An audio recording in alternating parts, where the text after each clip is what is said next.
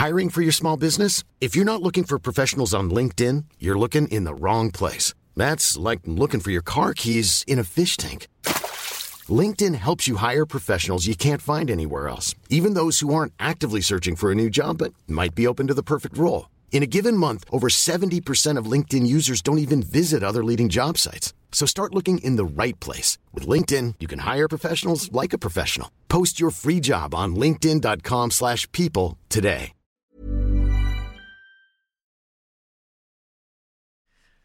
Hej Jacob. Esben, nu er det fredag igen. Ja, prøv lige at høre. Vi er på vej ind i den 12. uge af den meget virkelige, men stadig ikke udskrevne valgkamp. Ja. Og ved du, hvad det værste er? Nej, hvad er det værste her? Der, ja, jeg ved ikke det værste. Det bedste kan man jo også sige, men det er, at der er mange uger endnu. Det er det. Det er det, jeg tænker på. Altså, lige nu går alle jo og gætter på, at valget først bliver udskrevet i aller sidste øjeblik. Altså den 4. oktober, når Mette Frederiksen øh, åbner Folketingsåret, eller dagen efter, når der er, når der er åbningsdebat, ikke? Jo. Så vil vi, altså jeg har sådan siddet og regnet på det, okay, vi kan ligesom sige, okay, 12. uge, det er helt fra den 2. juli. Hvis du siger, okay, så var der sommerferie, der var Tour de France, så der holdt vi lige en pause. Regner for 1. august, ikke? Så er vi øh, ind i den 8. uge. Det er altså ja. to måneder nu, ikke? Ja. Og, og, og hvis vi så kommer frem til den til 4. og 5. oktober, så vil det være på uge 10. Så hvis vi så får de sædvanlige tre ugers valgkamp, De fleste tror fire. ja, så kommer vi op på over tre måneder, ja. Ja. Og man kalder jo, jeg ved godt, vi kalder valgaftenen for demokratiets festdag. Ja. Og det kan jo også være fedt med fest i flere dage i træk. Så kalder vi det en festival. Men gider man at være på Roskilde Jeg kan- Festival i tre måneder? Jamen, Jeg kan sige til dig, min, jeg snakker jo meget med, med vores gode kolleger i Altinget Sverige og Altinget Norge, og de spørger hver gang til det der. Og selvom vi snakkede om det sidste gang, så spørger de om det igen. De siger, prøv, prøv at forklare igen det der med jeres valgkamp. Altså, hvad det, hvorfor er det, at statsministeren skal bestemme, hvornår der bliver udskrevet valg? Ja. Fordi både i Sverige og Norge, Ja. der har de jo sådan set bare en valgdato. Ja. Og alle ved, at den dag skal du til valg. Mm-hmm. Så, så er det bare sådan. Ja. Øh, de, de forstår ikke, hvad det er, vi har gang i. Altså, jeg er ved at få, øh, jeg er ved at få demokratisk burnout. altså, det er det tredje valg, det har vi talt om før. Det er det tredje valg inden for et kalenderår. Vi havde kommunalvalget Ja, det er rigtigt. i sidste år. Vi har folkeafstemning om, øh, om forsvarsforbeholdet. Ja. Er det ikke ved at blive for meget?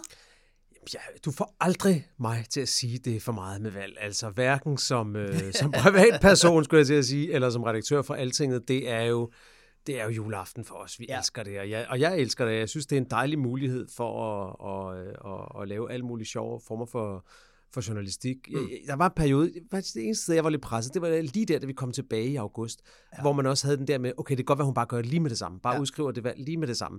Det var der så nogle gode grunde til, set i bagspejlet, at hun ikke gjorde. Jo.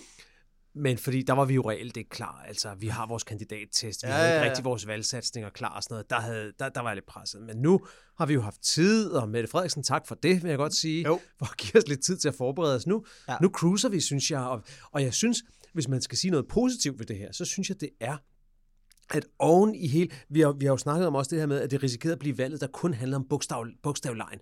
Hvem vil Lykke pege på? Hvem er deres statsministerkandidat? Og hvem skal, hvad for nogle kombinationer kan vi arbejde med? Og jeg synes faktisk, at den her lange valgkamp gør, at der bliver jo talt rigtig meget rigtig politik Ja, ja, på alle mulige fronter. Nu her til morgen har et bredt flertal af partier været ude og lave en uh, inflations, uh, Pakke. strømpris hjælpepakke, og, og der kører også alle mulige andre politiske diskussioner. Så på den måde synes jeg egentlig, at, øh, at, at det, er jo, det, det er jo meget godt i forhold til sådan en mere, hvad skal man sige, fortættet valgkamp, hvor det hele så handler om taktik måske. Jo. Men jeg, jeg, jeg, jeg er lidt mere betænkelig. Øh, vi skal tale om det senere, tænker jeg. Jeg synes, der er et element af sådan noget politisk øh, overophedning. Ikke? Og det, man ja. Kan være lidt bekymret for, det er, at så bliver valget overstået. Og så starter der en ny periode med fastlåsthed, fordi vi skal have, du ved, ja. Folk over gætter på, du ved, øh, belgiske tilstande, ja. Ja. hollandske tilstande, altså flere måneder, hvor det ikke er blevet afgjort, hvem der skal have ja. øh, øh, regeringsmagten. Ikke? Og, og altså, jeg har bare ligesom prøvet at sidde og tælle sådan lidt rough sammen, sådan en servietberegning, ikke? med de der tre måneder, hvis vi tæller helt tilbage fra, fra, juli. fra juli med Mm. også, ikke? så er 10 procent af den her regeringsperiode gået med at være valgkamp. Ja. Altså, det, det, og, altså, så er det, jeg ligesom tænker, at altså, ja, på den ene side er det jo sundhedstegn, det der med, at oh, vi diskuterer politik, og det er valgkamp, og vi elsker at stemme, men der handler jo også, der er også noget, der handler om politisk handling, og, og, og de to ting kan jo godt være lidt i, i modsætning til hinanden. Det er rigtigt, men, mm. det, men, det er jo, men som du kan se aftale, så selvom vi er lige før en valgkamp, så lykkes det altså for et bredt flertal at lave en aftale her til morgen, Ja. så det er jo ikke fordi det hele er handlingslammet fuldstændig. Lad os tale lidt mere om det senere. Ja, fedt. Øh, så synes jeg også, vi skal tale om det, der skete i sidste weekend, nemlig, øh, det var jo stor landsmøde weekend, Det må man sige. Eshold landsmøde, øh, og det gjorde deres to store problemer historisk set også, nemlig Dansk Folkeparti og det radikale ja. venstre. Ja. Og så synes jeg også lige, at vi skal holde fast i uh, Ukraine-krigen, for den er jo den er jo selvfølgelig forbundet med den der nye joker i den her valgkamp, nemlig uh, inflationen, som du lige talte Ja, om. Og som vi også talte med Søren Hove Ravn om sidst, det her øh, faktum af, at rigtig mange penge i det såkaldte rådrum, de er brugt, fordi vi har, har skruet op for forsvarsudgifterne. Og nu har Putin altså indkaldt øh, til værnepligt. Han har indhentet reserverne øh, for at svare igen på, på sin nederlag på, på slagmarken. Det synes jeg lige, vi skal vinde. Er det ikke det? Det lyder godt. Velkommen til DK på.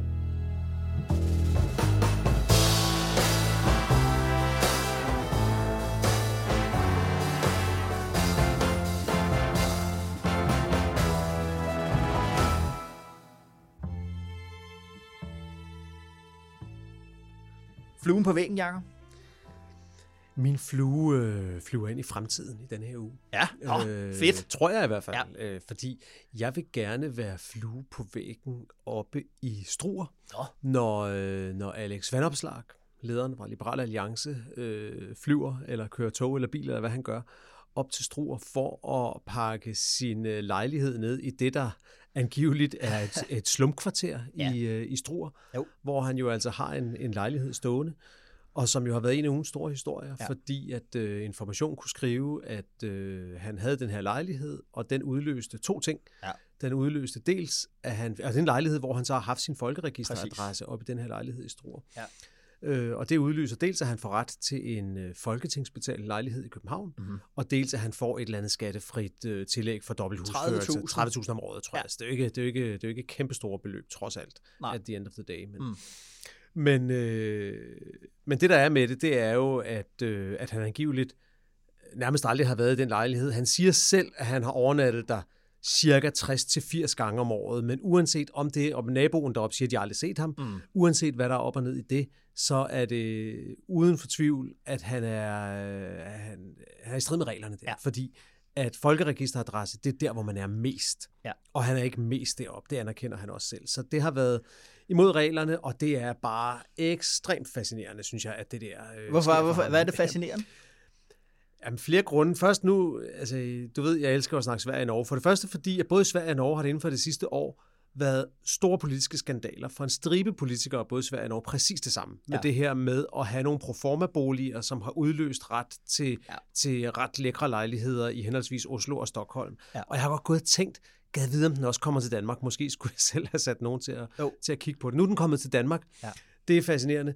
Øh, og det andet er jo det her med, at det lige præcis er Alex Vandopslag, fordi at han er, vi, har, vi har berømmet ham i den her podcast for Bestemt. få uger siden, for den video, han lagde ja. ud, som var det her, du kan godt, Ja. ja. hvor han taler op til folks, du ved, øh, evne til at klare sig selv, til at rejse sig op, og ikke bare altid blive et offer og bede om Ja. ja. hjælp, og alt det her, Ja, ikke også? præcis det. Og, og, så er det jo bare altså så klassisk, Ja. at han så falder i sådan en, hvor han har bukket, sine privilegier. Ja, lige præcis, og, og bukket sig ned efter nogle småpenge for ja. at, at spare nogle penge, eller få en lejlighed, eller hvad det har været. Ja. Ja. Og jeg må sige, jeg må bare sige, øh, jeg køber overhovedet ikke det der, som han prøver at sige med, at øh, ah, han var ikke helt klar over det, eller Nej. han har misforstået det lidt, eller sådan noget. Altså, prøv nu at høre. Han, han er et veluddannet, begavet menneske. Han kender udmærket de regler. Ja. Han har vidst præcis, hvad han gjorde. Det er lidt ligesom, når politikere bliver taget i at, at få for mange penge øh, ud fra en eller anden, få dækket for mange udgifter, så siger de, ja, jeg har haft lidt rod i bilagene. Ja. Og sagen er som regel, nej, du havde lige præcis ikke rod i bilagene. Du havde fuldstændig styr på dine bilag, Ja. ja. fordi du sørgede for at få krasset alle de penge. Ja, rodet, øh, rodet er i hvert fald til ens egen fordel. Ja, og lige præcis. Det, men det er jo det, der er med, med, med det, man kan sige, det er, at Fanopslag, han har spillet rigtig, rigtig højt spil i det, man kunne kalde troværdighedsrouletten. Lidt ligesom Søren Pape Poulsen Yes. øh, har gjort, altså prøvet at gøre sin egen troværdighed til en våben Ja. i den politiske kamp, og Ja. det er øh, altså et, øh, det er et meget farligt game at, at, at, at træde ind i, fordi og det er også det, netop som du siger det der med, at han har været, han har været en liberalist. Liberalisten kunne jo egentlig godt sige, jamen altså, jeg udnytter de muligheder, øh, der er, og det er derfor, vi skal have lukket muligheder ned, fordi at Ja, man kan hvis ikke... han bare havde været inden for reglerne. Øh, man, kan ikke, man kan ikke nødvendigvis, øh, hvad skal man sige, sådan, man, man skal ikke udvise mere moral, end det markedet ligesom, øh, øh, hvad det hedder, øh, gør, det, gør det muligt for dig. Men han har jo netop ligesom gået derop og netop haft den der tage dig sammen moral. Men jeg synes også, der er forskel I på, sin, du ved, hvis øh, han i havde sin fået video. et skattefradrag, som han havde ret til, eller Ja, et ja, ja. boligfradrag, som han havde ret til, der, Ja. der, der er jeg fuldstændig på linje med dig, Ja. at jeg synes ikke, du har pligt til at, at betale mere i skat, fordi du er socialist, eller Nej. gør noget andet, fordi du er liberalist, Nej. men du skal blive inden for reglerne. Ja. Det er bare det. Det Nå, er og man vil godt se ham pakke den der lejlighed ned, for at se, om han går fløjten rundt, og hvad det egentlig er for nogle møbler, han skal pakke ned. Altså, har han egentlig nogensinde været i den lejlighed? Det lyder, det lyder som, et, øh, som et skummelt sted, det må jeg sige. Okay. Tjek informationsdækning. Hvor, hvor vil du godt være fløjet hen? Ah, Jeg vil godt have siddet i, øh, i bilen med øh, enten Søren Pape Poulsen eller Jakob Ellemann Jensen på vej hjem fra den debat, der var i onsdags på ja. TV2 om inflationskrisen. Ja. Øh, for jeg synes ikke, de to klarede det særlig godt. Nå, hvorfor ikke det? Nej, men altså du ved, setup'et i, øh, i den her debat, øh, det var jo, at TV2 havde sørget for at få øh, øh, øh, quote on quote helt almindelige mennesker ind, som led, altså en førtidspensionist, en selvstændig erhvervsdrivende, en, fiske, en fiskehandler, de havde inde, som sådan fortalte om, hvordan inflationen gør deres liv rigtig, rigtig øh, Ja, svært. jeg, er jeg, sådan- jeg så det med fiskehandler, ja. Ja. det var jo meget rørende sådan set, for det var jo, han bestyrer jo en mere end 100 år gammel fiskehandler ja. i Aarhus, og fortalte, at nu, nu, nu kunne han ikke klare mere. Præcis, ja. og, og havde sådan en, en, en, en mor til en, til en, sådan en, en børnefamiliemor øh, inden ja. også forklare ligesom om, okay, hvad er det, I gør, hvad er det for en ad- adfærd, det her ændrer, hvad er det for nogle udfordringer, mm. I... Men hvorfor synes I- du så, de klarede sig dårligt? Fordi, altså, fordi at de kom, for det første behandlede de det begge to som sådan en, en valgkamp mod Socialdemokratiet. Altså, det var ligesom de store tal om skattelettelser, og Socialdemokratiet har sat, øh, du ved, skatten alt for højt op, og elafgiften, den skulle bankes i bunden, og de undgik på en meget mystisk måde, journalisten skulle tvinge dem til, øh, og ligesom at være inde og omfavne den der case. Ligesom, jeg forstår, hvad det er for en situation, du, øh, du, du befinder dig. Mm. Apropos øh, fanopslag, var sådan set bedre øh, til det, også i den forstand, at, at det som det selvfølgelig er de borgerlige position at sige her, jamen, og alle i virkeligheden politikers position her, måske bortset fra enhedslisten, det er jo at sige, jamen, der er simpelthen meget snævre grænser for, hvad vi kan gøre, fordi hjælp er ikke bare hjælp til, til, til dem, der går ud over, det vil også være noget, der spæder til Ja. ja. på den der inflation. Så det er en balancegang, der skal gås. Men lige der, hvor jeg sådan tænker, I skal Hvad også huske på, at gjort? jamen, de skulle have været inde og omfavne, øh, blandt andet ham der fiskehandleren, ligesom, Mm. at, altså være nede i at genkende hans situation, hans følelser, øh, og hans erfaring, fordi de glemmer lidt, at valgkampen, synes jeg, handler om vælgerne. Altså det handler ikke bare om, hvem der kan slå på en, en, øh, en, en modstander. Og så synes jeg, det bliver sigende at en, en, en anden årsag, fordi vi kan jo se, hvordan økonomi tigger opad på vælgernes dagsorden. Og vi kan også se, at økonomi, det talte vi også om med Søren Hove, det der med styring af dansk økonomi, det er, det er de borgerlige hjemmebane. Det er virkelig noget, hvor vælgerne tænker, det er de bedste til. Men lige nu, der er situationen den, at fordi beskæftigelsen stadig er så høj, så er den måde, folk oplever inflationen på, det er det, man kunne sige, at politik er rykket ind i sådan noget, man nærmest kunne kalde det hypernære. Altså det handler om prisen på æg, prisen på smør, Ja. din varmeregning. Mm. Det vil sige, du, vel, lige nu går vælgerne ikke og er arbejdsløse og tænker, jeg har brug for ny vækst, nye jobs. De og tænker, hvordan kan jeg klare det inden for det job og det, den løn, jeg får? Og der synes jeg ligesom, at der kan Socialdemokratiet stadigvæk være meget godt med, apropos den der vinterpakke her til inflationen, altså hvor man kan lige at lette lette lidt her og der på, på Mm. og, og skabe noget mere likviditet hos folk, uden at det øh, på en eller anden måde skubber meget Og hårdt hvor, de, og hvor det lykkedes dem også, synes jeg, at komme tilbage til det, som jo var i hvert fald i lang tid, der har stor styrke i coronakrisen, det her med Ja. at, øh, at, få, at få hævet et meget bredt flertal, inklusiv Venstre, inklusiv Præcis. konservativ, med ind i brede forlig der. Præcis. Det bliver en kæmpe fordel i valgkampen, men også, at de kan sige, hey venner, vi har jo lavet det her sammen. Præcis, og det er, det er lige præcis der, hvor man kan sige, at, at, altså, at, at et er ligesom pakken, og hvad den, hvad den kan øh, for, for betrængte folk derude, men politisk set, så kan man sige, at det her det lægger den her debat om inflationen i den her valgkamp, hvis den bliver udskrevet her den 4. oktober, øh, 5. oktober, yes, det kommer til at ligge det dødt nu, fordi nu er der en fælles, øh, en fælles Det vil jeg aftale. før jeg tror det, men okay. Ja, måske. Men det er svært at angribe, fordi der er ikke den der beskæftigelseskrise, hvor man ligesom Mm. mm. kan sige, der kan I jo se, Socialdemokraterne, de kan kun bruge penge, de kan ikke finde ud af at skabe nye penge i økonomien. Mm. For det behov er der ikke hos vælgerne nu, det behov, der er for vælgerne nu, det er det der helt, helt nære. Få betalt elregningen. Præcis. Du, der er, der er en pointe om det, som jeg tænkte over i forhold til det med, med nu var jeg lidt efter vandopslag i min flue på væggen. Ja. Du var lidt efter Ellemann især, og, og Søren Pape ja. Ja. i din sagt, de var ikke, de var ikke dygtige nok. Ja. Jeg tænke på, altså, den der lederflok, vi har ja. Ja. i den borgerlige blok, ikke? Den består af, af, af seks ledere, hvis vi regner Lars Lykke med til den borgerlige blok. Med, hvem ved, hvor han skal regnes med? Jeg, jeg regner ham lidt med derovre, ja. det gør jeg altså. Ja. Du har uh, Morten Messerschmidt, du ja. har Pernille Vermund, mm. du har Jakob Ellemann, Søren Pape, mm. Lars Lykke og Inger Støjberg. Ja. Seks mennesker. Ja. To af dem har enten en afsonet fængselsstraf, Inger Støjberg, eller en øh, meget mulig kommende fængselsstraf, Morten Messerschmidt. Ja. To af dem har akutte, synes jeg halvalvorlige i hvert fald, troværdighedsproblemer. Søren Pape og Alex Vandopslag. Det er ikke kæmpe store sager, Ej. men det anfægter deres personlige troværdighed ja. i en valgkamp, hvor de begge to har gjort lige præcis, præcis personlig troværdighed til det helt afgørende selling point der har de bare ja. sat sig selv tilbage. Det er fire ud af de seks. Så har vi nummer fem ud af de seks, det er Lars Lykke. Det er jo en hel historie for sig, ikke også? Altså, han er jo mega dygtig politiker, men jo. hans personlige troværdighed, det, vi ved alle sammen, hvad historien ja. er, og hvor hører han hjemme? Er det højre eller venstre, eller hvad er det? Jo. Og tilbage er der så Jakob Ellemann, som der ikke rigtig er noget på, men som jo bare som jo bare heller ikke rigtig er oppe Han leder stadigvæk og, efter sit folkelige gennembrud. Og stadigvæk i den måling, vi lavede sammen med, sammen med DR, for, eller Opinion lavede for os og for, og for DR i den her uge, der kan ja. man stadigvæk se, at at selvom troværdighedsmålingen så har ændret sig lidt til ugunst for Søren Pape, ja. så ligger Jakob Ellemann stadigvæk på en, ja. På en klar tredjeplads efter både Mette Frederiksen ja. og, og Søren Pape. Ja. Så det er, det, er en, det er en underlig ikke særlig overbevisende flok anførere, de har. Men det er jo også, hvis man kan sige det på den måde, de, strukturelt er de jo også udfordret den forstand, at der er ikke nogen af dem, der er den største, sådan i, altså, som er sådan mærkbar. Der er jo nogen af dem, der er over 20 procent. Lige nu har du, altså alle de partier, de er jo ikke engang over 15. Der er ikke nogen af dem, der er over 15 procent. Og det gør det jo svært ligesom at skulle, altså fordi, ja. altså, hvis du ikke har mandater til mere, så, så er det jo svært at sige, hey, det er mig, der er solen i det her solsystem. Ja. Altså, jeg bestemmer 80% af retningen, og så kan I andre fem slås om, om ja. de sidste 20. Øh, og, og hvis jeg skulle sige noget om Venstre i den sammenhæng, så skal man huske, at Venstre fik jo et godt valg ved sidste valg. Egentlig er de jo det største parti, men jeg synes lidt, at den måde, de, de, de agerer meget sådan, som meningsmålingerne ser ud. Ikke? Altså, og hvor jeg nogle gange lidt tænker, det der Ellemann kunne godt lidt, ligesom, han er også nødt til at agere, som om, at han har de mandater, han har i Folketinget, i stedet for at agere efter de mandater, der står i, i, i, i, i meningsmålingerne. For ligesom, ja. altså, han bliver nødt til at være den der leder der, fordi ellers så går han jo også lidt og signalerer til, til de der, der er 30 procent af vælgerne, øh, cirka, øh, som år for år for år, valg for valg for valg, øh, stemmer enten V eller K. Ja. Og de kan ligesom, der kan være 15 til V og 15 til K, eller der kan hedde 20 10, ja. eller hvad det er. Men han, han, altså den kamp der, den, øh, den, den, den mener jeg, at han skal bør til at melde sig ind. Og ved du hvad også en af konsekvenserne er, det kan man jo se i de der meningsmål, det begynder at trække Mette Frederiksens retning. Hun ja. var voldsomt bagud i august. Ja, ja. Og nu stille og roligt begynder hun at trække den ind. Du kan se på hendes popularitetsmålinger, det går den rigtige vej.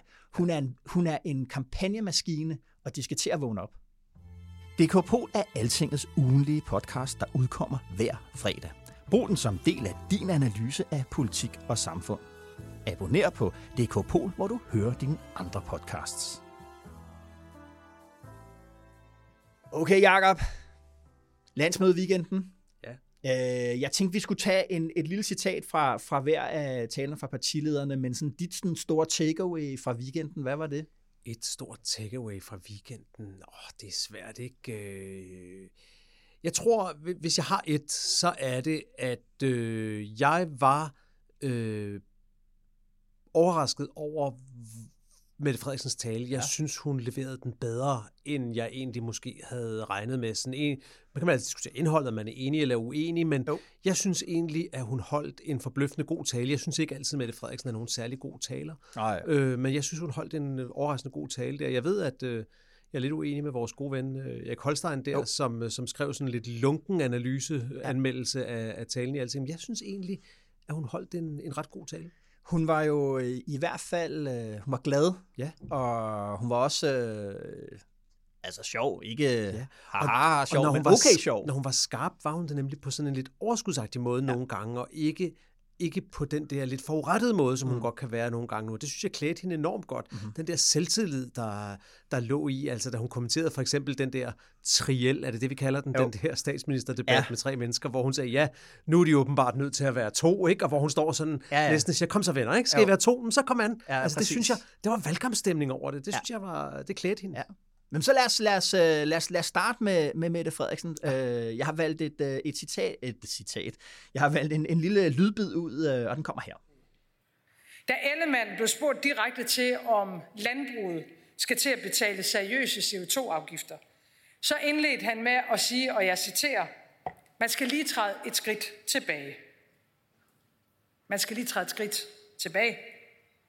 Helt ærligt, som Sebastian sang lige før, et skridt frem og to tilbage til der, hvor jeg var lige før.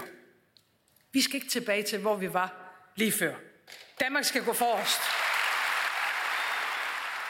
Ja, Danmark skal gå forrest, øh, Jakob. Øh, min, min, min pointe her, jeg brugte egentlig lidt sådan din, din metode, Jakobs uh, diskursanalyse, eller hvad man skal kalde det. Ligesom kigge på den der tale og sige, okay, du får os her programmet for, hvordan hun vil gå til valgkamp. Ja, det gør man jo.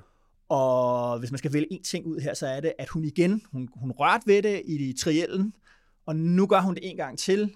Uh, CO2-skat på, uh, på, på landbruget, og det i mine øjne er det vigtigt, fordi det kan blive den her grønne kant, ja. som regeringen ellers har brugt tre år på at slippe helt ned med fælles aftaler med de blå, ikke? Øh, senest fra foråret om, mm. om, om netop CO2-skat, hvor landbruget er, er hvad kan man sige, stadig udstår. Ikke? Mm. Fordi klima, det er det næstvigtigste for, for vælgerne, når vi spørger dem. Det har det været igennem øh, tre år. Ved sidste valg blev også kaldt et, et klimavalg. Ikke? Øh, og, øh, og, og det vil sige, at du kan mobilisere her, og så er der jo det der faktum af centrum venstre i dag. Altså fra enhedslisten til de radikale, det er jo ikke en rød alliance, det er en grøn alliance. Og der tænker jeg ligesom, altså det, det kan blive rigtig interessant, noget man skal holde øje med her i valgkampen, det er, hvornår er det? Fordi det synes jeg næsten, man kan se her nu. På et tidspunkt, så spiller hun ud med en CO2-skat på landbruget, og hendes forventning er, at der kan Venstre og Konservativ ikke være med, og så står vælgerne lige pludselig det der meget hårde dilemma, ja. eller hvad kan vi enten eller. Ja. Er du for den grønne omstilling, så kan du komme over til centrum venstre. Mm-hmm. Du kan ikke mm-hmm. være hos de blå. Ja, det er super interessant. Ja. Super interessant. Og, og, det, og, og, og det var helt klart et hint, at hun, øh, at hun nævnte det der, ikke ja. også? Og jeg synes også, at, altså, hvad kan man sige, altså det kan godt være, at det ikke lige frem, at, at der er en hel masse vælgere, der så vil stemme Socialdemokratiet, men det er jo hendes måde at lave en platform for det, det flertal, hun jo allerhelst, hun vil jo gerne have det 2019-resultat igen. Og der kan man sige, at der er nogen øh, her, altså der er andre partier udenfor, som har brug for at kunne mm. tale med i det der klima. Ja. Radikale helt sikkert, ja. den kommer vi lige tilbage til. De lider i meningsmålingerne lige nu, alvorligt. Men der er jo også det der, som vi har talt om på gangene her. Elbæk, Alternativet, hvad gør han? Og han har jo meldt sig ind igen i Alternativet. De har fået en fighting chance nu, vil jeg sige. Ikke? Også, nu skal vi stadigvæk se det ske, men altså, nu har de fået samlet tropperne, og de har fået Elbæk med på kampagnevognen, ja. og han kan løfte dem op over jeg synes stadigvæk, det er en, ja, jeg synes stadigvæk, det er en 50-50, om han, ender med at, om han ender med at stå på stemmesedlen også. Ja, og så har du ligesom, altså fordi det er jo en af de der forklaringer, en af årsagerne til, at det her valg, det her valg er så tæt, som det er i meningsmålingen. Nu er det helt, helt tæt, ikke? Ja. Det er jo det, det grønne stemmespil, og hvis Uvelbæk kan løfte alternativet ind over målstregen, så vinder hun igen. Ja, altså, altså Alternativet og Dansk Folkeparti, hvilke, hvilke eller ja. hvilket ja. af de to partier, ja. der kommer i Folketinget, det kan afgøre valget. Fuldstændig. Og så synes jeg, der er en pointe nummer to, øh, som går lidt den, den modsatte retning. Det er, at øh, jeg undrede mig allerede over det, da hun lavede, lavede det der Danmark kan mere et og præsenterede hele projektet der sidste år, øh, tror jeg det var, over i, øh, over i Fredericia, det der meget store møde der, hvor mm. hele samfundseliten øh, var, var indkaldt til rundbords øh, samtale. Ikke? Øh, hun havde de der syv punkter, hvor man ligesom skulle sige, det er sådan, at Danmark kommer godt ind i fremtiden. Alt det der, det hun ikke nævnt, det var sundhed, som er det vigtigste overhovedet emne for vælgerne, og hun nævner det heller ikke rigtigt i sin tale her, andet end noget omkring psykiatri. Der er noget, ja, og så er der noget om velfærdsmedarbejdere, også om, om altså, ja, ja. det er jo en vigtig del af sundhedsdebatten, kan du sige, om det er at have nok, have nok uh, ansatte. Men, hun men hvad er, er ikke med det ellers? Jamen, jeg synes bare, at altså, jeg mener på mange måder, at det der sundhed kan blive ekstremt afgørende, hvis de borgerlige var lidt mere fokuseret på det. Ja. De har jo indhentet, øh, vi har skrevet artikler om det her på Altinget, øh, lægger ud i show notes, det der med, at i 2019, der var sundhed et, et emne, et politisk spørgsmål, som vælgerne mente var suverænt bedst lagt i hænderne på øh, socialdemokratisk ledet regering. Altså det var sådan noget, over 50 procent synes, at, øh, at det, skulle der, det skulle Mette Frederiksen tage sig af. Ikke? det har, har, har, er jo snævet meget ind nu, så nu er vi jo nede, altså vi er nede i meget små marginaler, der gør, at der stadig er et flertal af vælgerne, der mener, at det er alligevel vigtigst for, for, for at, det, at det er bedst lagt i hænderne på en socialdemokratisk mm. regering. Det er de, borger, altså det er de borgerlige bedste våben i mine øjne, Øh, og det er Socialdemokratiet har en forhistorie dermed, ikke? altså fra 90'erne, hvor man tabte hele det der venteliste-cirkus, som var en af grundene til, at Anders Fogh, altså Anders Fogh Rasmussen skulle stille sig op og sige, hey, jeg er bedre til velfærd, eller i hvert fald lige så god, mm. og komme med nogle alternative løsninger, øh, som folk kan stå ved, at sige, okay, jeg synes faktisk, at Socialdemokratiet ikke klarer det så godt her. Jeg er villig til at tage en chance med en blå, øh, en blå statsminister på det her emne. At det er altså for mig lidt mærkeligt, at man at det virkelig så stedmoderligt behandlet for Socialdemokraterne, mm. ligesom at gå ind i den der bekymring, der er om, kan jeg få den behandling, som, øh, som er tidsvarende, som jeg forventer at få så hurtigt, som jeg får den. Ventelisterne er altså, at børsen havde en artikler her mm. for, for et par uger siden. Altså, ventelisterne tækker op af øh, ja. igen. Ikke? Det er også det der, man taler om det næres politik. Det er hypernært politik, mm. det der også. Ikke? Det forstår jeg ikke.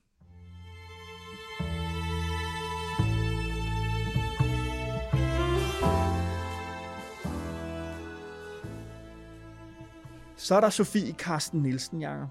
Øh, og hun, øh, hun kommer her. Jeg er også overbevist om, at radikale venstre aldrig kommer til at støtte en regering, der vil gå i gang og føre planerne om et dansk asylcenter i Rwanda ud i livet. altså. Ja, Jacob. Prøv lige at forklare mig en gang. Apropos det med et skridt frem og to tilbage. Hvad mener de radikale ja. egentlig om Rwanda? Kan du forklare mig det? Hvad betyder at føre ud i livet? Vi ja. kommer fra op til landsmødet, ja. havde både Senior Stampe og Andreas Stenberg sagt, en hver regering, der ligesom overhovedet har det på tegnebrættet, der arbejder med et asylcenter i Rwanda, det kan vi ikke støtte. Mm. Og vi stod og talte om sidst det der med, at det var en stramning i forhold yes. til den kurs, man havde haft i sommerferien, hvor man sagde det, som Sofie Karsten Nielsen siger her, nemlig, jamen det øjeblik, at det bliver reelt, så går vi ind og, og, og tager stilling til det og siger fra. Men indtil da, så må regeringen selv ligge og slås med, hvad der formentlig ja. er en papirtiger. Ikke? Jo. Det har været deres holdning før. Nu er hun ude og spole den lidt tilbage igen. Er hun ikke det? Jo, det, det sådan hører jeg det også. Men øh, ja, guderne må vide, hvad de mener. Og det får vi nok først at vide, når de regeringsforhandlinger for, øh, for alvor går i gang, hvis de radikale bliver en, bliver en del af dem. Ja. Og, og det, det er et stort vis, vil ja. jeg sige, fordi det, det kan der være mange grunde til, at de ikke bliver en del af. Men, øh, men det er meget underligt, synes jeg, og, øh, og jeg synes, øh, jeg synes øh, hvad skal man sige, bekymrende for Sofie Carsten Nielsens lederskab, at Præcis. der er så meget slingerkur som det der, og ja. det er det jo fordi, at en af, en af, hendes, øh, en af styrkerne i hendes lederskab var, at hun kom ind og ligesom viskede tavlen ren og sagde, det der, som, I, som Socialdemokraterne var, var sure over, og pressen gjorde lidt grin med under Morten Østergaard, det her med, at der blev rejst et ultimatum hver anden måned eller et eller andet, ja. eller oftere. Ja. Det, det, det er slut nu. Ja. Vi, vi er ikke sådan en ultimatummaskine, der går hele tiden og siger uh, og, og, og truer og truer. Og det er jo det, hun er endt lidt med i det her Rwanda, fordi det bliver så uklart, hvad de egentlig mener. Ja.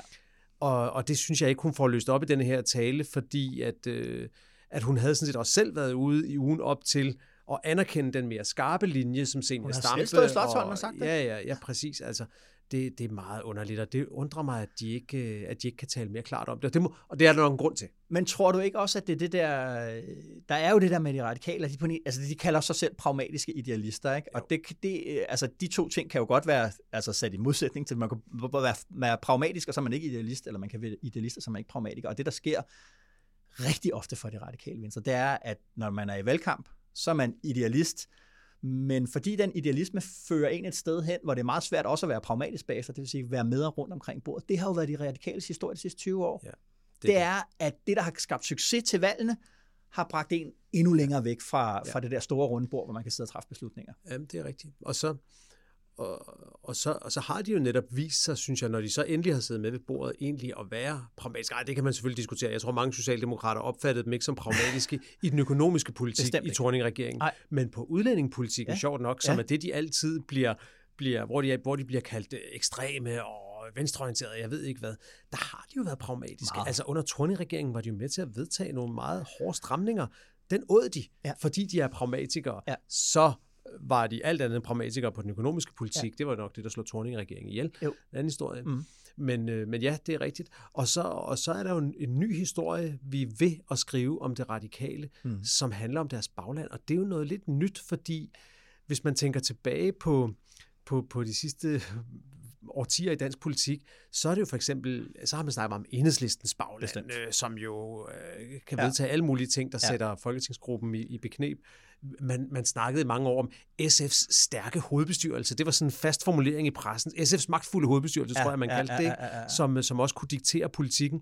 Men radikale er jo et af de partier, lidt ligesom de konservative, mm. hvor formanden faktisk ikke sidder inde i Folketinget. Ja. Formanden er organisationsformanden, Ja. men den reelle leder er den politiske leder i ja. Folketingsgruppen, som selv lægger linjen. De bliver sådan set ikke di- dirigeret af en hovedbestyrelse bagved, men det virker bare som om de radika- i de radikale, at der er kommet en baglandsstemme ind, Ja. som er med til at lægge kursen i Folketingsgruppen i højere grad end tidligere. den magt, den radikale hovedbestyrelse har, den kan, som du siger, der, der, det står simpelthen i servitutterne, at, de, altså, at Folketingsgruppen er uafhængig. Ja.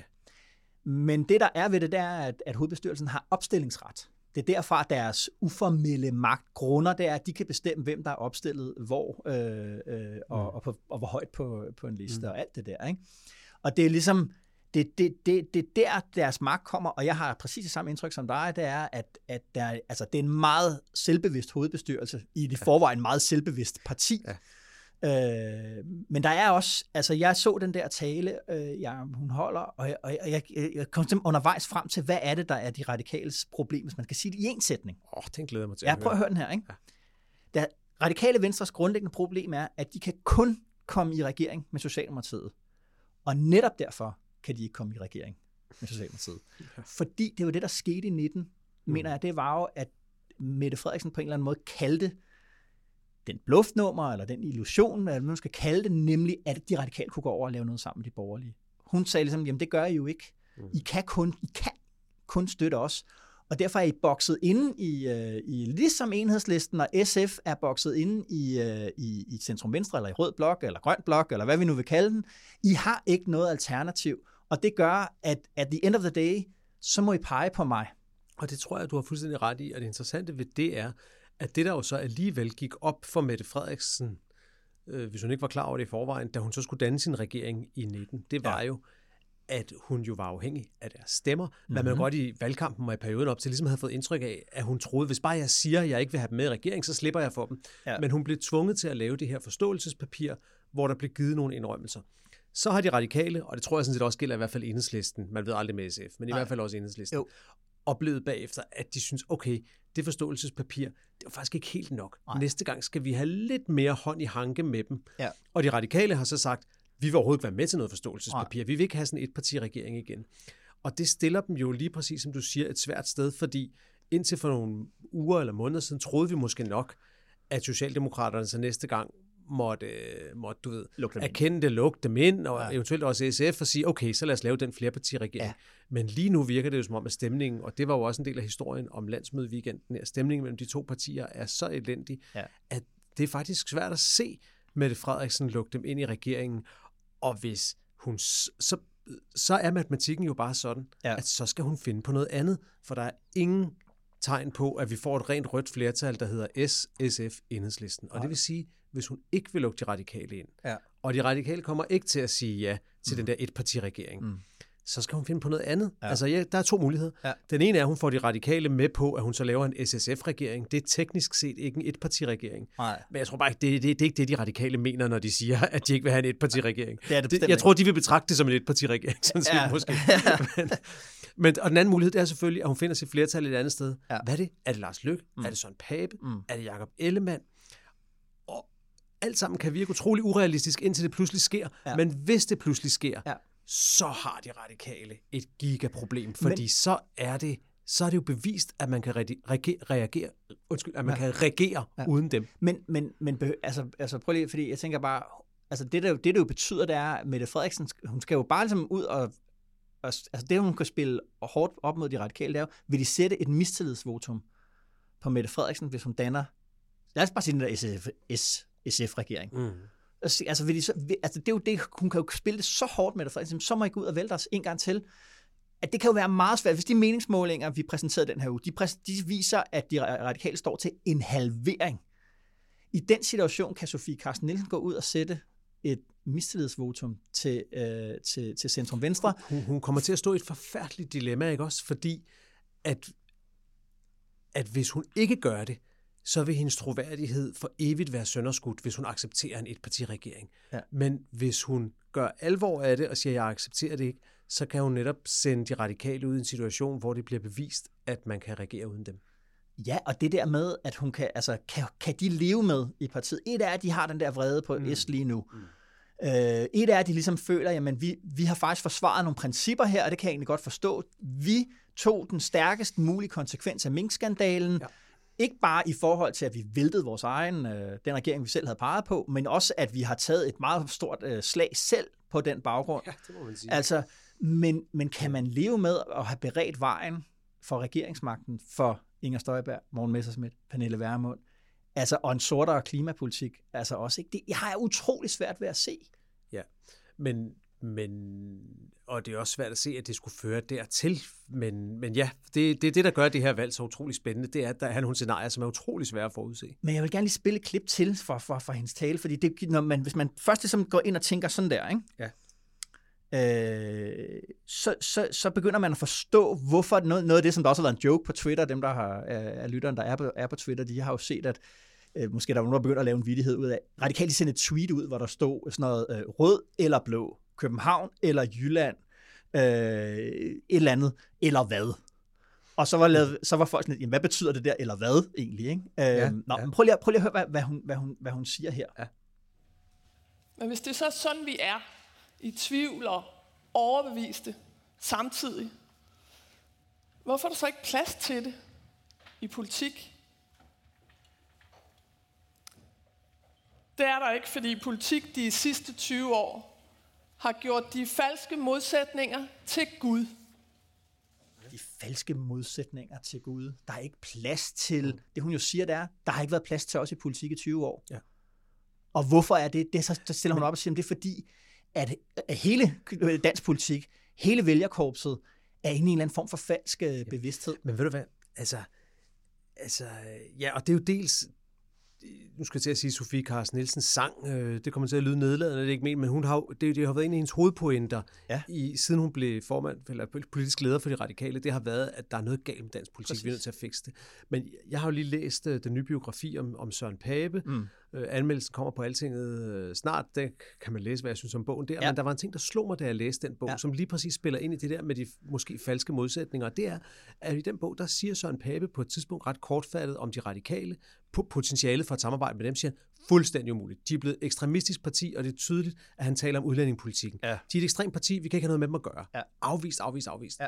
Senere i bogen, så taler han så om det samarbejde, som han så lægger op til med Dansk Folkeparti og Nye Borgerlige, Ja. og hvor han siger, ja, det er jo rigtigt, at de vil have Danmark ud af konventionerne. Det er fuldstændig uh, no-go for os. Det kan vi aldrig være med til, men vi skal nok finde ud af det. Ja. Og det er jo et kæmpe paradoks, synes Ja, det jeg, er det. At, at han afviser på forhånd fuldstændig enhver tanke om bare at snakke med de radikale, fordi de er ekstreme på udlændingepolitikken. Ja. Mens der er nogle andre, som faktisk siger det ekstreme, Ja. at de vil ud af konventionerne, de vil gøre alt muligt, der siger han, ja, ja, ja, ja, ja, det skal vi da nok finde ud af. Ja. Det er jo, altså det synes jeg da godt, man kan kalde en falsk modsætning, eller hvad? Ja, men jeg tænker også bare på, altså hvad er det, den- altså lige på udlændingepolitikken kan man jo sige, at der er jo, i dag er jo en meget bred konsensus. Ja. mellem rød og blå, om at, hvad skal man sige, den skal være stram, og vi skal, hvis der er en mulig stramning, så skal vi gennemføre den. Alt det Men der. vil du ikke sige, Men men der er den, jo ikke- den- konsensus, der- den konsensus, hvis- du tager den konsensus op på en linje, Ja. vil du så ikke sige, at de radikale Jo. jo. ligger tættere på den konsensus, end Nye Borgerlige gør? Jo, 100 procent. Jo, men 100 procent, men, men, men, men de radikale er bare selv svært ved, når det så kommer til det der Rwanda, så har de svært ved at være, hvad kan man sige, øh, de, de er jo blevet trukket baglæns, vil jeg sige, igennem et tornekrat for at være med i den der koncept. Det er jo ikke noget, de er glade for at sige højt og sige, prøv at høre, vi er faktisk det er med i deres, det her. deres position på Rwanda og deres uklarhed på positionen om Rwanda er så uendelig skadelig for dem, fordi de bærer ved til den muligvis falske modsætning, ja. men altså det er de simpelthen nødt til at få kørt op med. Men kan du huske, hvad der skete for nogle måneder siden, jeg kan ikke huske, hvor lang, lang tid siden det var, der skrev du et interview med Andreas ja. Stenberg, hvor han gik ud og prøvede lige præcis at afmontere den falske modsætning og sagde, prøv at høre her venner, vi er klar til benhårde grænser for Europa, vi kører hele vejen. Ja. Og hvad skete der? Ja. Jamen altså, det, det, han fik et stormløb. Fra Blandt sin- andet Fra sin egne. for sin egen, blandt andet for den der hovedbestyrelse der. Og Det havde meget at gøre med jo det der ord for Europa. Han tog det i sin, ja. I sin mund, og det på mange måder, altså det der med, fordi det jeg som hørte derfra, der var sådan, jamen Fort Europa, det lyder jo som om, at, at, at vi så har vi jo hegnet det hele ind bag ja. nogle mure, og der er nogen, der, at det handler om at holde nogen væk, og sådan ja. noget, hvor jeg er sådan lidt, Øh, ja, det er, det, men det er jo det, vi gør. Ja, ja. Det er jo det, Europa gør nu. Men det er ligesom om den der med, ja. Ja. det må gerne være der, men, vi skal, men det handler meget om, for nogle ord, vi knytter, knytter til det. Nå, spændende. Skal vi også lige omkring øh, Dansk Folkeparti? Jamen lad os, øh, hvad det hedder, flyve Apropos til... udlændingepolitik. Ja, lad os flyve til, lad os flyve til, til, til Herning her. Den, øh, der kommer Messersmith her. Jeg, øh, jeg kan umuligt være den eneste, der er død træt af, hvis man skal besøge sin kære, eller er så uheldig selv, at være indlagt på hospitalet, at man så skal trækkes med sådan en helt beduinlejr ude i venteværelset, som okkuperer det hele, og med sådan en halvaggressiv adfærd hele tiden viser sig mere eller mindre truende over for både de andre patienter, besøgende og personalet. Det kan simpelthen ikke være rigtigt. Vi gider det simpelthen ikke. Altså, vi gider ikke alt det der tørklæder, bederum, ramadan og halalkød. Jeg kan lige så godt sige det. Ja, Jacob. Øh, han var jo god til, Morten Messersmith, på sin tale derovre hele tiden, at, at, at lægge det der udlændingepolitiske linje ind i, i, øh, i, i alt det, han ellers også mener. Ikke? Mm. Og her, der, altså, det her det er jo faktisk for en del af hans tale, der egentlig handler om, at øh, Dansk Folkeparti gerne vil have et bedre sundhedsvæsen. Uh, han nævner noget med, du ved, udrykningstider rundt omkring i landet, når ambulancen skal komme, og alt det der. Ja. Og alligevel, så havner han i udlændingepolitikken, og der er nogle, altså, de store klapsalver, de kommer her. Men ved du, hvad der ikke kom?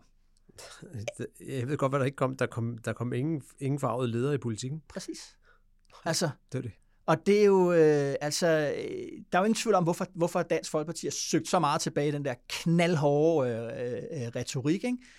Øh, det er, at man er i overlevelseskamp, som du står. Altså, det, ja. man ligger lige nu og tipper ja. Lige op over, lige nedenunder, øh, hvad det hedder, spærre, spærregrænsen, ikke? Og der er min, øh, der er min standende tese jo den, at der er mellem 10 og 15 procent af vælgerne, Ja. som til enhver tid vil stemme på det parti, der har den mest troværdige, hårde udlændingepolitik. Altså den hårdeste, ja. og som de tror på har den hårdeste. Ja. Og det der, er, det, der er specielt ved det valg, vi går ind i nu, det er, at vi har fået en spiller, der, hænger, der hedder Inger Støjberg, mm. som faktisk har lagt sig på noget, der ikke er den hårdeste udlændingepolitik, fordi hun siger, at hun vil overholde konventionerne, Ja. ja. modsat Morten Messerschmidt, modsat Pernille Vermund. Hun har også dæmpet sin egen retorik i forhold til, hvad hun plejede at skrive på Facebook, hvor hun plejede at skrive nogle ting, der næsten lød som det her. Ja. Det, kunne hun, det kunne have været et, et Facebook-opslag fra Inger Støjberg i gamle dage, men ja. det er det ikke længere. Nej. Men alligevel ser det ud til, at langt størstedelen af de her 10-15 procent, de vil stemme på Inger Støjberg. Ja. Ja. Og jeg tror, begrundelsen er, at det kan godt være, at hun ikke taler så hårdt om det lige nu, men hun har været i fængsel for sin hårde udlændingepolitik. Ja. Så hendes troværdighed på det punkt er uantastelig. Ja. Hun, Morten Messersmith kan ikke slå hende. Jamen, det tror jeg spiller en rolle. Jeg tror så også, øh, at, at, at, at hendes evne til at berøre den der centrum-periferi-debat, øh, den, og, og ligesom inkarnere den, på trods af, altså det, det er helt paradoxalt ved hende, det er, at hun har jo deltaget i, i, i en af de regeringer, der har centraliseret aller, aller, allermest, ja, Ja, ja. ja. nemlig øh, den borgerlige regering i, i, i nullerne, og derefter jo igen i, i VLAG-perioden ja. også. Ikke? Men, men den er hun god til, og den debat, tror jeg, prøv at se en øh, dagsorden, er hun lever, der. Det er, lever man- derude. Ikke? kilde til evig forundring, at, at øh, både medier og, og andre politikere end Inger Støjberg ikke kan se det, at hver eneste gang, de prøver at håne hende for det der med de københavnske salonger, Ja. Så spiller de hendes spil. Ja. Altså, senest har Berlingske lanceret en podcast, der spiller, der har også det her med, øh, at, at den foregår i de københavnske salonger. Ja. Og det er jo en måde at anerkende, Ja. at Inger Støjberg har fat i noget rigtigt. Men jeg tror, følelsen derude er, er, er- er meget reel. Ja. Øh, så det, det, det er en yderligere forklaring der, ikke? Men jeg tænkte der med, med, med Messersmith, fordi nu er jeg på den der sætning øh, for de radikale. I virkeligheden er øh, de radikales problem og Dansk Folkepartis problem det samme. Nå, lad mig høre. Hvad er, Jamen, din, sætning, hvad er social- sætning for jamen, Dansk jamen, Folkeparti? jamen, jeg, jeg, jeg tiger den lige op her. Ikke? Ja, okay. Begge deres problem er, at Socialdemokratiet har rykket sig på udlændingepolitikken. Ja, det er jo klart. Og derfor man kan sige, øh, det som er Dansk Folkepartis problem, det er, de kan kun overleve som protestparti. Det er det, Morten Messersmith anerkender her, ved at, ved at virkelig at, at, at slå hårdt på, ja. Ja. du ved, beduinlejrene og alt det der. Ja, ikke? ja. Men som protestparti, der har Dansk Folkeparti udspillet sin rolle. Fordi dagsordenen er blevet inkorporeret i almindelig politik. Præcis det, og fordi at øh, Messerschmidt ikke ikke har den der autenticitet, som du taler om før, på, som Inger Støjberg har. Altså hun har haft, hun, altså hun har haft en fodlænke, hun har papir på Ja. fra øverste myndighed, altså de, øh, de, de, de skarpeste, højeste dommere øh, i det her land. Jeg har skrevet under på et stykke papir, hvor der står, Inger Støjberg er den hårdeste udlændingepolitiker overhovedet. Ja, og det, det, det, det problem, det tror jeg altså ikke, at Dansk Folkeparti kan komme ud af. Nej, præcis.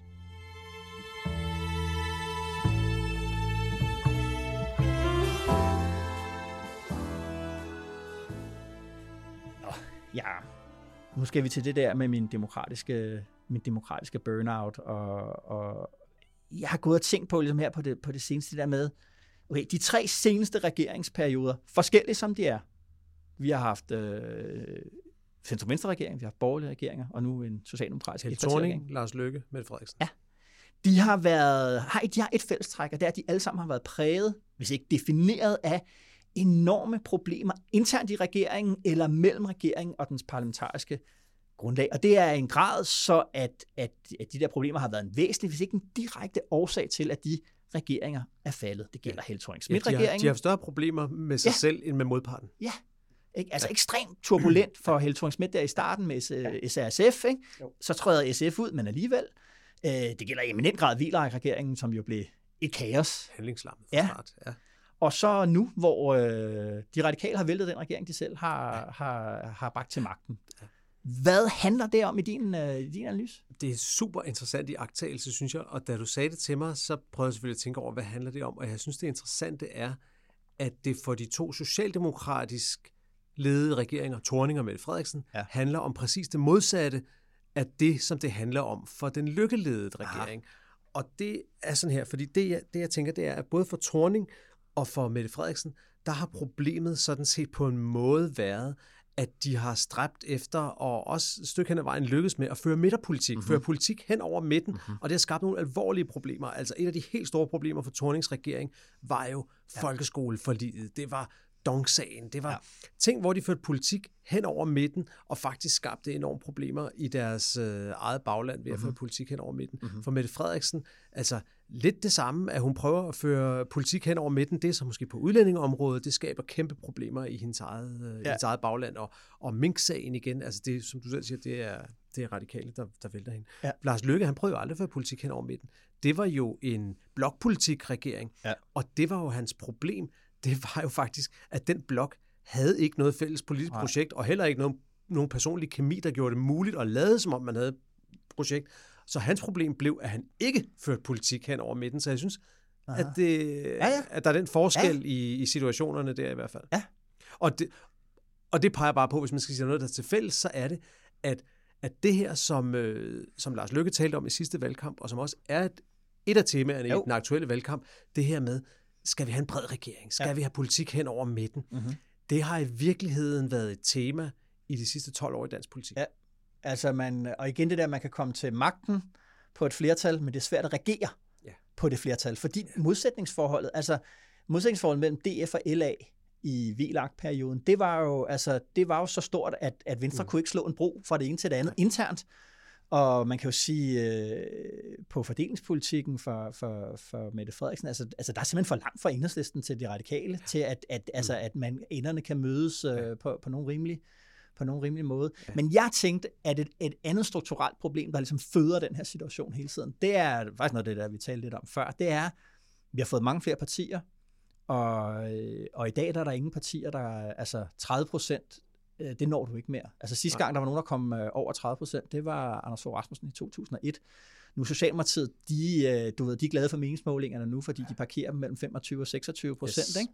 Yes. Hele thorning Schmidt, Socialdemokrati er jo stadigvæk den eneste ting, Socialdemokrati, der er gået frem i, du ved, øh, i 30-40 år, eller sådan noget, der er, ikke? Altså, ja. øhm, og det vil sige, at der er en masse partier i dag, som hele tiden er på marginalen. Der mm. ingen, ingen kan tåle at tabe 1%. Ingen kan tåle at tage et slag nu for at hente det ind øh, længere. Og det gør ligesom, hvad kan man sige, at kompromisvilligheden er rigtig, rigtig lille, og det er jo også noget af historien om, hvorfor de radikale er så sure på Socialdemokratiet. Øh, det er jo det, at de føler ikke, at de har fået lov til at komme ud med et trofæ, der kun var deres i de sidste tre år. Mm. Altså de har simpelthen, det, det, det hører man simpelthen, prøv at høre, når man har talt med dem over noget tid, og frustrationen ligesom bliver meget tydelig, så, så siger de det jo, som det er. Ikke? Det, mm. det lyder det kan jo godt, når jeg tænker, det kan næsten lyde sådan lidt barnagtigt, hvorfor må jeg ikke vinde agtigt, ikke? Men det betyder jo noget for partiet, mm. det er at de kan vise, prøv at se den her pokal, den havde mm. mine vælgere, I vælgere, der stemmer på mig, de potentielle vælgere, der måske godt kunne stemme på mig, prøv at se, jeg virker. Det forstår jeg godt. Det, det tror jeg også er rigtigt. Jeg tror bare også, jeg tror bare også, at man skal tillade sig selv at komme højere op i helikopteren og se det som noget strukturelt. Altså, jeg var på Christiansborg der i begyndelsen af nullerne for, som, som politisk redaktør på politikken, og jeg kan huske, jeg kan huske, hvordan det stadigvæk der, jeg kom derover i 2003, mm. og hvordan det de første år stadigvæk var en proces i høj grad også for journalisterne på Christiansborg, dem der havde været der i mange år, havde fuld politik i mange år, var erfarne og vidste, hvad der foregik. Ja. Og også for politikerne i høj grad. Det var en proces at vende sig til den nye virkelighed, som Anders Fogh mm.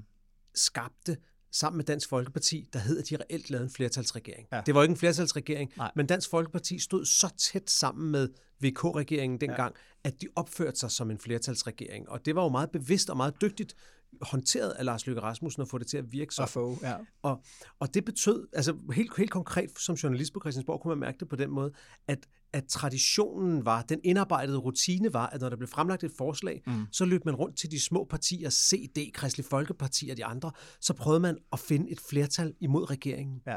Men den den, den, den virkelighed fandtes ikke mere, og Nej. derfor skulle den politiske journalistik også faktisk genopfindes dengang, og det tog noget tid at genopfinde den. Mm-hmm. Og det tror jeg, i virkeligheden er vi stadigvæk i den proces med at genopfinde den, vores forståelse af politik efter det, der skete i 2001, ja. hvor siden da har det været mere blokagtigt. Mm-hmm. Og igen, kernen i det er jo nok de radikales rolle, fordi disse tit har været nøglen til ja. at skabe noget, der ikke bare var forankret i, øh, i, i blokken. Ikke? Men der, der, skete, der skete noget der, som vi stadigvæk tumler med at få, at få helt på plads, tror jeg. Men, men og hvis du kigger, fordi man kan sige, et af det der, det der med at være over 30 procent af, af, af stemmerne, hvad måske 35, 37 procent, det er jo kun Socialdemokratiet, der har været der i dansk, i dansk politik. Ikke? Altså, da det går allerbedst for Slytter, der er han jo på de der 3-24 øh, øh, procent af stemmerne der i 80'erne. Ikke? Men det, der jo samtidig er sket, synes jeg, også med, hvad kan man sige, både med partierne, men også den valgkampssituation, de befinder sig i, hvor sociale medier betyder så meget, hvor personer, apropos mm. Arnold, øh, Alex Vanopslag og Søren Pape Poulsen, ja. det er det der med, at, man, at partiernes evne til at lave indre koalitioner, altså ikke bare koalitioner mellem partier, men internt, ligesom danne en koalition, fordi alle ved jo, at der er forskellige, du ved, du kan være venstremand på flere forskellige måder, og socialdemokrat på flere ja. forskellige måder, men man er dog venstremand, man er dog socialdemokrat. Ja og hvor man ligesom, der kan være en intern magtkamp, men hvor man ligesom anerkender, okay, øh, det er så langt, jeg kommer nu inden for, inden for rammerne.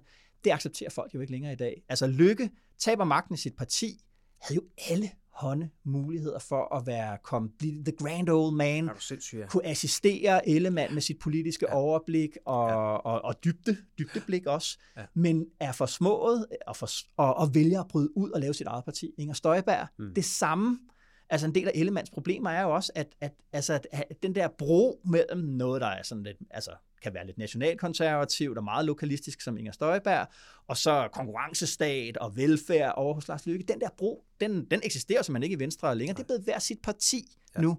Og den der tålmodighed med at, ligesom at sige, jamen okay, øh, for indeværende er jeg ikke den, der kalder alle skuddene, men jeg er stadigvæk en del af, af, af partiet. Den evne er partierne blevet dårligere til det er rigtigt. Og det bliver sindssygt spændende at se, om det moderne socialdemokrati besidder den evne, hvis de skulle miste magten ved det ja. her valg, fordi mm. de har også nogle interne koalitioner nu, som er ret velfungerende lige nu, fordi regeringsmagt er en fantastisk medicin til at dække over ja. interne uenigheder, også reelle uenigheder. Bryder de ud ja. med øh, både fløjkrig og med personopgør, eller folk, der forlader partiet, ja. hvis de mister magten, eller kan de holde sammen på den koalition, som S er i dag? Det bliver spændende. Jamen, og prøv at tænke på, ligesom du ved, et af, altså de radikale har jo virkelig leveret mange af de der solopartier, altså Anders ja. Samuelsen, øh, Simon Emil Amitsbøl, øh, Nasser Carter, øh, Merete Risager, ja. Uffe Elbæk. Altså på den måde kan man sige, at det, de radikales krise er også på den måde, ligesom, at der er en hel masse partier, der ligesom har sagt, okay, jeg kan ikke, jeg kan ikke få mit klima øh, opfyldt hos de radikale, så jeg bryder ud og laver mit eget. Ja. Eller jeg kan ikke få den der li- meget liberale politik. Eller i Anders Samuelsens tilfælde, jeg kan ikke blive udenrigsminister, så jeg laver mit eget. ja, sådan noget der, ikke? Og, og SF var jo igennem det samme, ikke? Altså, ja. der sidder en masse folk i øh, Tesfaye, Astrid Krav, Jesper Petersen, ja. øh, øh, Thor Møre, ja som tænkte om, okay, det der SF noget der, det duede ikke. Vi kom, øh, du mm. ved, vi har ikke den der, øh, vi kan ikke leve med det lange træk. Det skal være lige nu og her. Jamen, så skifter vi bare parti, og, og, og for dem har det jo så virkelig været en karrierebooster af, af, af rang. Ikke? Men det tror jeg er, er en af de der stressmomenter, der er kommet i politik. Det er det der med, at politikerne er så utålmodige, at de, at de accepterer ikke partiet som institution længere.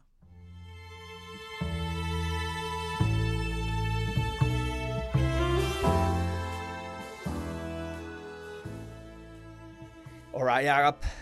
Vi skal forbi uh, Ukraine-krigen. Vi talte jo rigtig meget om Ukraine for et halvt, uh, et halvt års tid siden, mm. uh, os to. Ikke? Men mm. så blev krigen ikke længere. Den holdt ligesom op med at være det der enorme ja. chok. Ja. Den blev gjort almindelig øh, faktisk også ligesom jo, det er jo noget af det, som medierne også gør, når de rapporterer for noget, så begynder vi lige pludselig at vende os til dem. Der er åbenbart, der er krig i Ukraine, og du ved, det går lidt frem og tilbage, ja. og alt det der, ikke?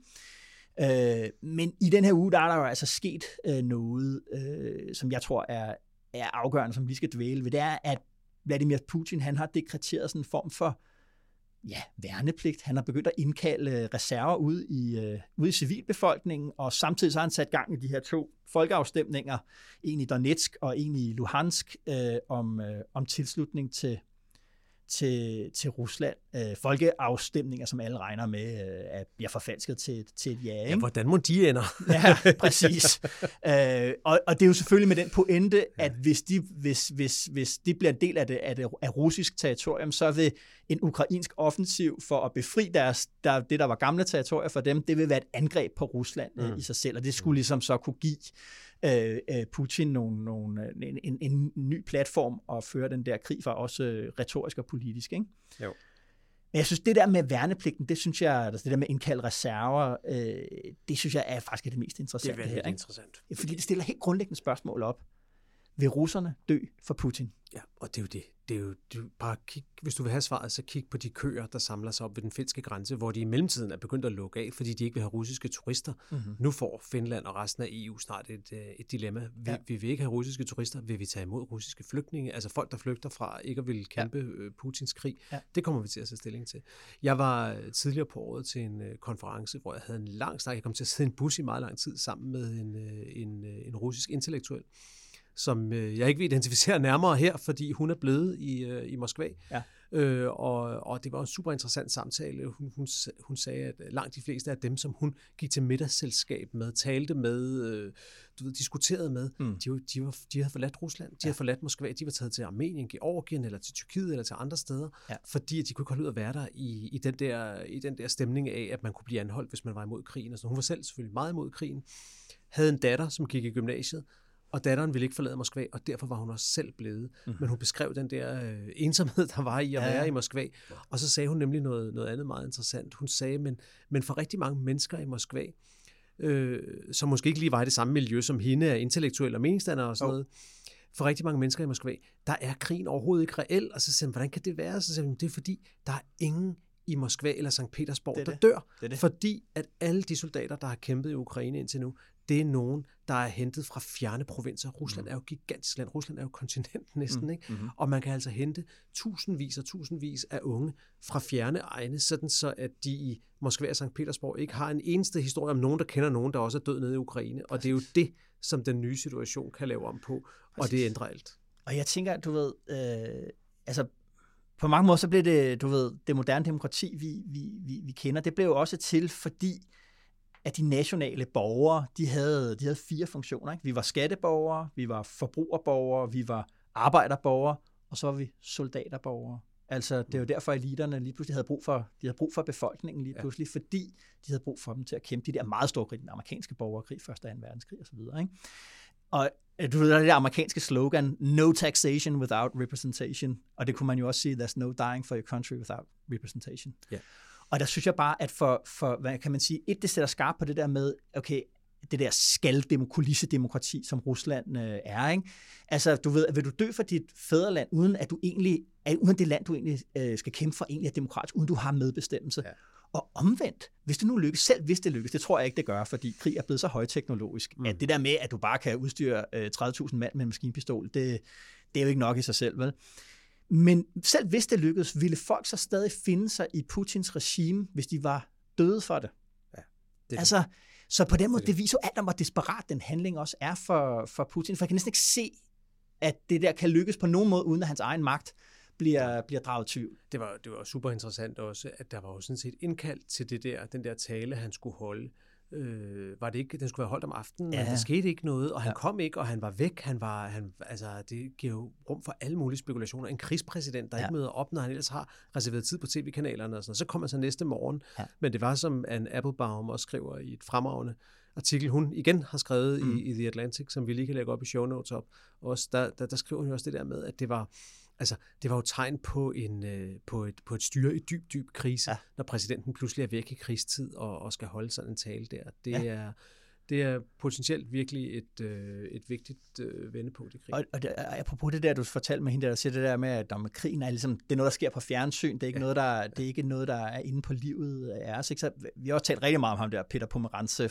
og hans den der Nothing is True and Everything is Possible bog, hvor hans pointe jo blandt andet er, at tv's rolle i, øh, i, øh, i, i den russiske offentlighed, det er at pacificere borgerne. De fylder dem med vilde konspirationsteorier, fake news, ikke for at få dem til at tro på noget, men for at få dem til at holde op med at tro på noget. Ja. Og det er jo pacificering. Og det, som Putin vil nu, det er jo mobilisering. Ja.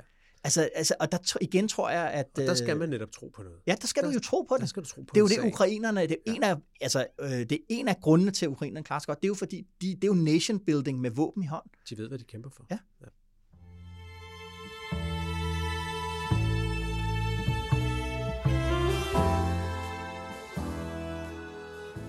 Det var det, jeg. Hvad står øh, weekenden på?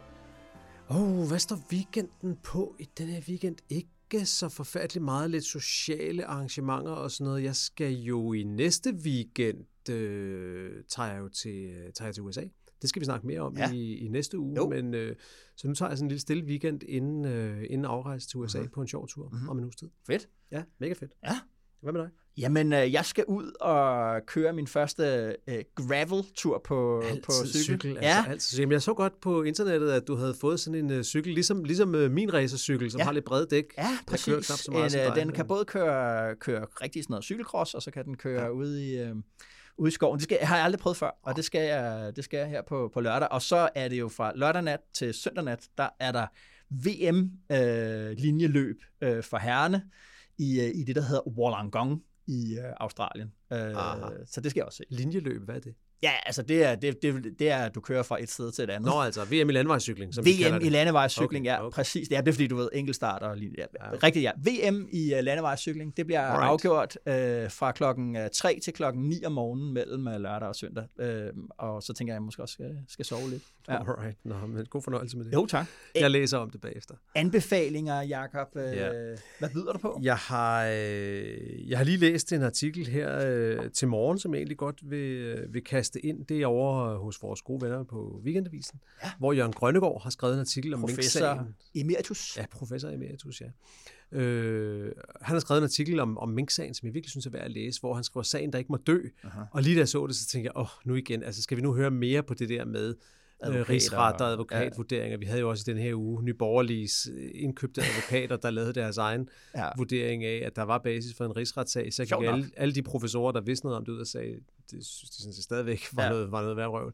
Men, men artiklen er meget bedre end det. Artiklen handler nemlig om, hvad var det for en... Altså, hvad var det, der skabte den krise, og hvad er det, regeringen burde og kunne lære af det? Og det er mm. sindssygt interessant, og bare sådan en helt kort form, mm. så, så skriver han jo det her med, at det er paradoxalt med, med Mette Frederiksens øh, kritik af embedsværket, som hun kom med især i starten af sin ja. regeringsperiode, før ja. hun blev statsminister med, at, at de skulle servicere politikerne mere, og de skulle gøre mere for at få, øh, sørge for, at den politiske program blev gennemført. Mm.